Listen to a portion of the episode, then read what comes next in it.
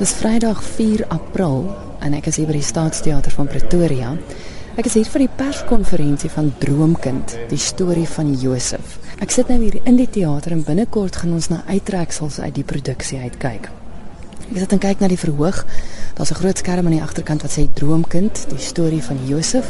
Dan is daar 'n windpomp aan die een kant van die verhoog en dan 'n oulike winkeltjie wat sê verneukpan koop aan die regterkant so regte ou Karoo huisie met 'n bankie op die stoep en als. Dis hoe die verhoog lyk. Binnekort gaan ons so 'n smaakie kry van wat in Droomkind die storie van Josef gebeur.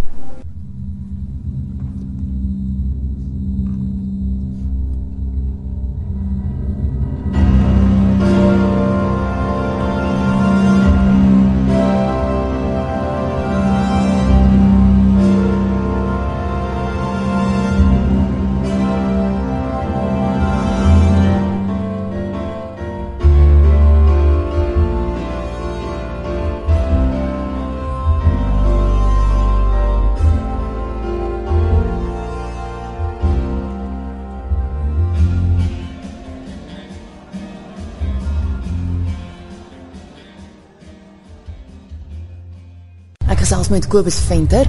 Hy speel twee rolle in Droomkind. Kobus, vertel gou vinnig, wat is die twee rolle wat jy speel? Hmm.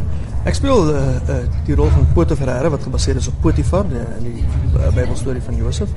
Dan speel ek ook die rol van Ruben, die, die oudste broer.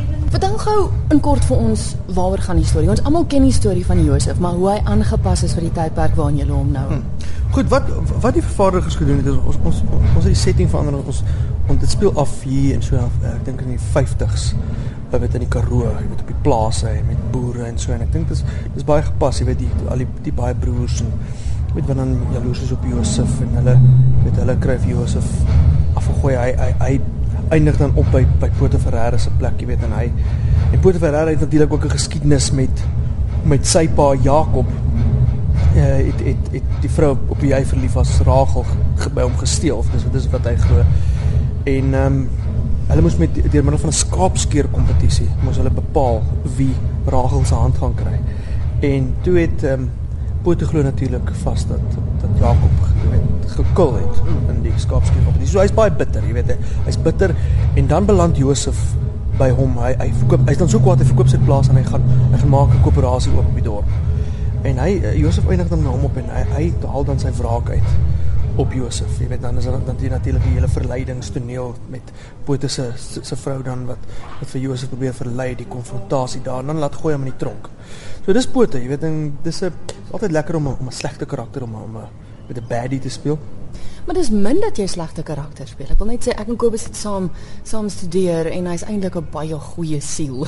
so dis vreemd. Mens sien jou nie mens sien jou nie dikwels in in die rol van die slegte ou nie. Baie min ek ek ek sport altyd ek, ek sê ek sê ek sê vir baie mense um, ek dink Renier was ek dink die heel eerste vervaardiger wat my vertrou het om om 'n slegte rol te speel. Uh toe toe hulle Esther die tweede seisoen van Esther gedoen het, het ek het ek Haman gespeel wat so of my eerste keer was en is lekker, jy weet, is lekker. Ek ek, ek speel baie ek speel dikwels die village idiot, jy weet die daai tipe rolle. Maar dit is heerlik. Maar is dit moeilik om nou so uit karakter uit te wees of Dis nie dis nie moeilik nie, maar dit weet jy wat wat wat moeilik is is om nie is dit is baie maklik om 'n villain te speel, maar dit is dis moeilik om met 'n speler dan nie balans is nie. Want ek glo daar is nie bestaan nie so iets soos sleg inherent slegte mense nie. Die Here maak nie villains nie.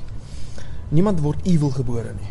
'n Mens raak beskadig soos wat jy soos jou omstandighede opvreet en En uh, jy weet ek dink dis die groot verskil tussen die karakters van Josef en Pote. Josef is iemand wat maak nie saak hoe sleg dit met hom gaan nie. Hy beland in die tronk. Jy weet alles alles word van hom weggevat, maar hy hy hou moed.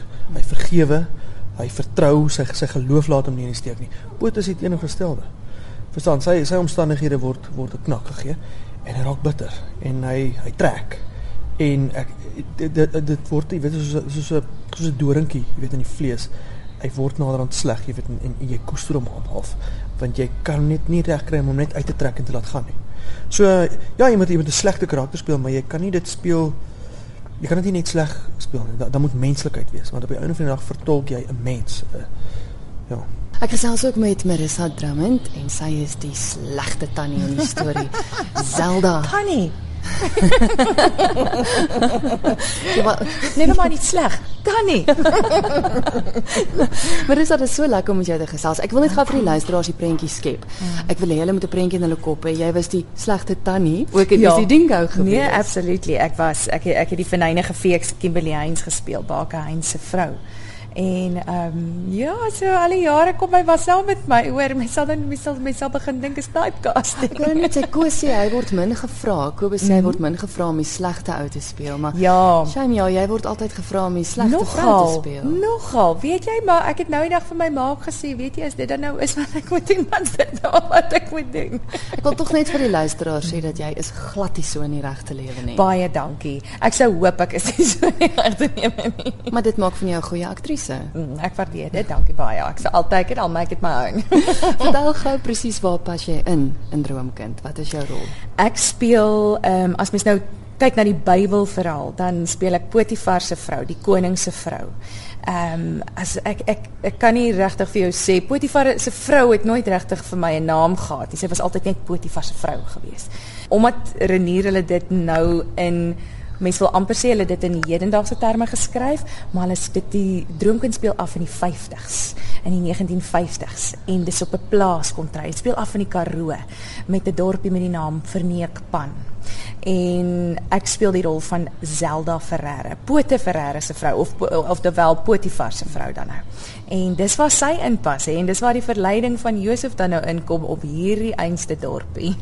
ek het gekyk, ons het nou na uittreksels gekyk en dit is so hmm. slim hoe hulle die Bybelse verhaal gevat het en dit ingeweef het in 'n wêreld wat aan ons bekend is, aan die luisteraars bekend. Ja, definitief. En ek dink dit is 'n baie slim plan om die publiek en die gehore uh so op 'n manier aan te raak dat hulle dit kan verstaan, dat hulle kan vereenselwig in die eerste plek. Dis beautiful om ehm um, uh stukke soos wat Renier hulle al gedoen het, Esther, die storie van Dawid, Jesus wat ons verlede jaar ook gedoen het.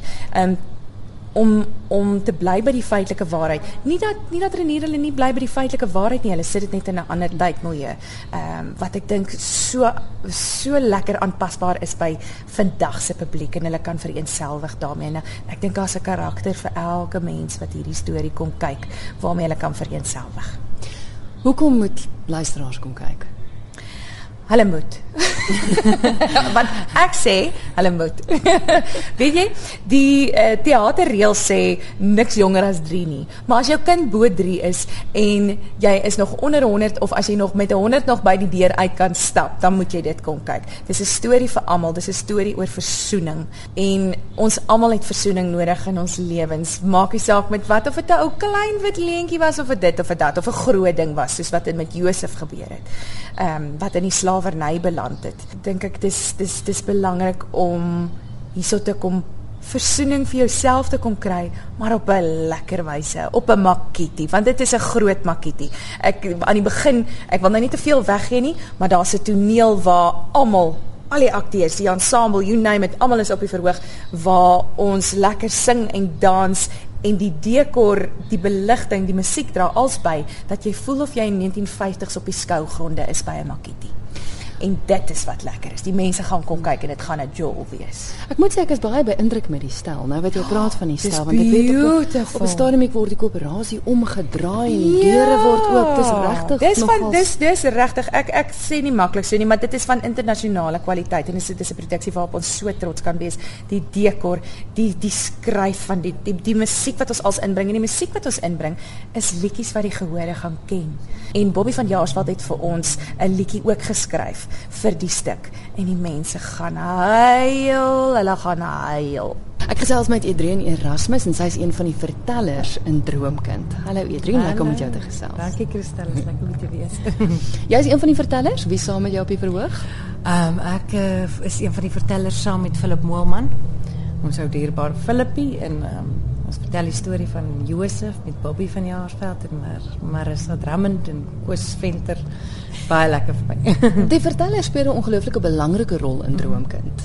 Ja, definitief. Ons moet die storieetjie bymekaar hou en die energie daar hou en ons moet seker maak dat almal weet waar ek met my eie cues weet waar almal moet wees. O genade, dis 'n harde werkie. nou, ook omdat die storie oor so 'n lang tyd plaasvind. Ja. Jy vul al soort van vir ja, ons die vir vir vir die vertellertjie is of vir my en vir Philip ehm um, die ons verloop is eintlik maar net die loop van 'n dag.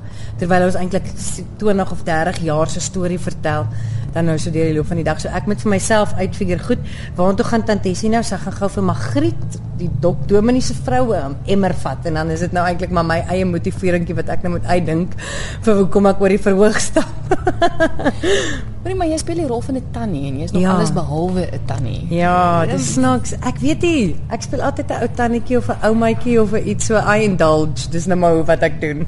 wat ten minste teen die dag wat jy wel 'n ou tannetjie is, gaan jy dit baie goed kan ja, doen. Ja, jong, dis wat ek nog myself troos. Is ek gaan nog vir jare 'n ou tannie kan speel. So dis goed met goed vir my. maar mense is so maklik geneig om 'n ou tannie te stereotipeer. Jy weet, hoe kromrig jy ja. daai tipe van goeters. Hoe pak jy die rol aan? Weet jy wat? Ek dink Ehm um, ek dink dit is noodwendig nodig om 'n kromruggie of 'n ou seervoet of 'n ding te ehm um, vir jouself uit te ding nie. Ek dink my energie en my karakter is in 'n geval oud genoeg om my ouma te kan speel. Ek bedoel, my ouma was nie krankig en dodelik siek op die ouderdom van 70 nie. So ek ek skat tante Essie is rondom 70 80 en dit is eintlik nog nie. Dis I mean dis nie stokhoring oud nie. So ek dink ehm um, my energie is in elk geval ek dink ek het maar 'n ou mens energie of iets. een van die dinge is al die ander karakters eh, kon eintlik teruggaan na die Bybel. Dis karakters wat deel is van die storie, ja. maar maar julle twee se dis eintlik nuwe karakters wat geskep ja, is. Ja, dis splinter nuwe karakters. Eintlik is ons nie so nuut nie, want dit is maar bietjie geskoei op die idee van die twee skinderbekke, soos koöperasie stories se twee skinderbekke of jy weet jy weet daai tipiese ou twee mensies wat nou so skinder op die dorp en almal se geheime weet en almal se stories. So ek dink dit is wat wat lekker is daarvan is mense kan mense maak dit um, ekskuus dat ek nou sulke Engelse woorde gebruik, maar mense maak dit nou um relatable vir vir die gehoor. Want die gehoor ons teikenmerk is mense wat wat of oupas of oumas het wat daai wat so sulke storievertellertjies is of dis die mense wat wat koöperasie stories gekyk het en kan vereenselwig met daai karaktertjies. So dit is wat dit lekker maak van die verteller is dat ons al is dit splinter nuwe karakters in die storie van Josef, is hulle nie noodwendig splinter nuwe karakters in die Afrikaanse milieu nie. Volgende gesels ek met Bobby van Jaarsveld en natuurlik het hy geen bekendstelling nodig nie. Bobby, baie dankie. Is lekker om met jou te gesels. Dankie vir my ook, dankie. het jy ooit in jou lewe gedink dat jy nie net sanger gaan wees nie, maar dat jy soveel verskillende teaterproduksies gaan doen? Dat jy eintlik akteur gaan wees? Glad nie. Ek het nie eens gedink ek gaan 'n sanger wees nie. So hierdie is um, nog verder. So ek het nooit dit in my wildste drome verwag of gedink dit gaan gebeur nie. Raak dit makliker? Dit raak makliker. Aan die begin was dit vir my baie moeilik geweest. Ehm um, ek bly nog so klein bietjie bangerig vir dit, maar dankie tog vir briljante regisseurs wat jou half kan uit jou kas uit uit uitruk en sê, "Daar, jy's nie meer Bobby nie, jy's nou 'n karakter. Vergeet van Bobby. Moenie eens dink oor Bobby nie, jy is nou 'n karakter." So dankie tog vir hulle. Dit dan hulle maak dit baie makliker. Ek moet sê kyk ons almal weet, die rede hoekom baie mense kom kyk is juis omdat jy hier in is. Maar jy kry dit fenomenaal goed reg om nie Bobby op die verhoog te wees nie. Dankie, ek is bly want ek uh, Sondag is die opening, so ek stres nogal 'n bietjie daaroor. Ek is bang mense sien Bobby.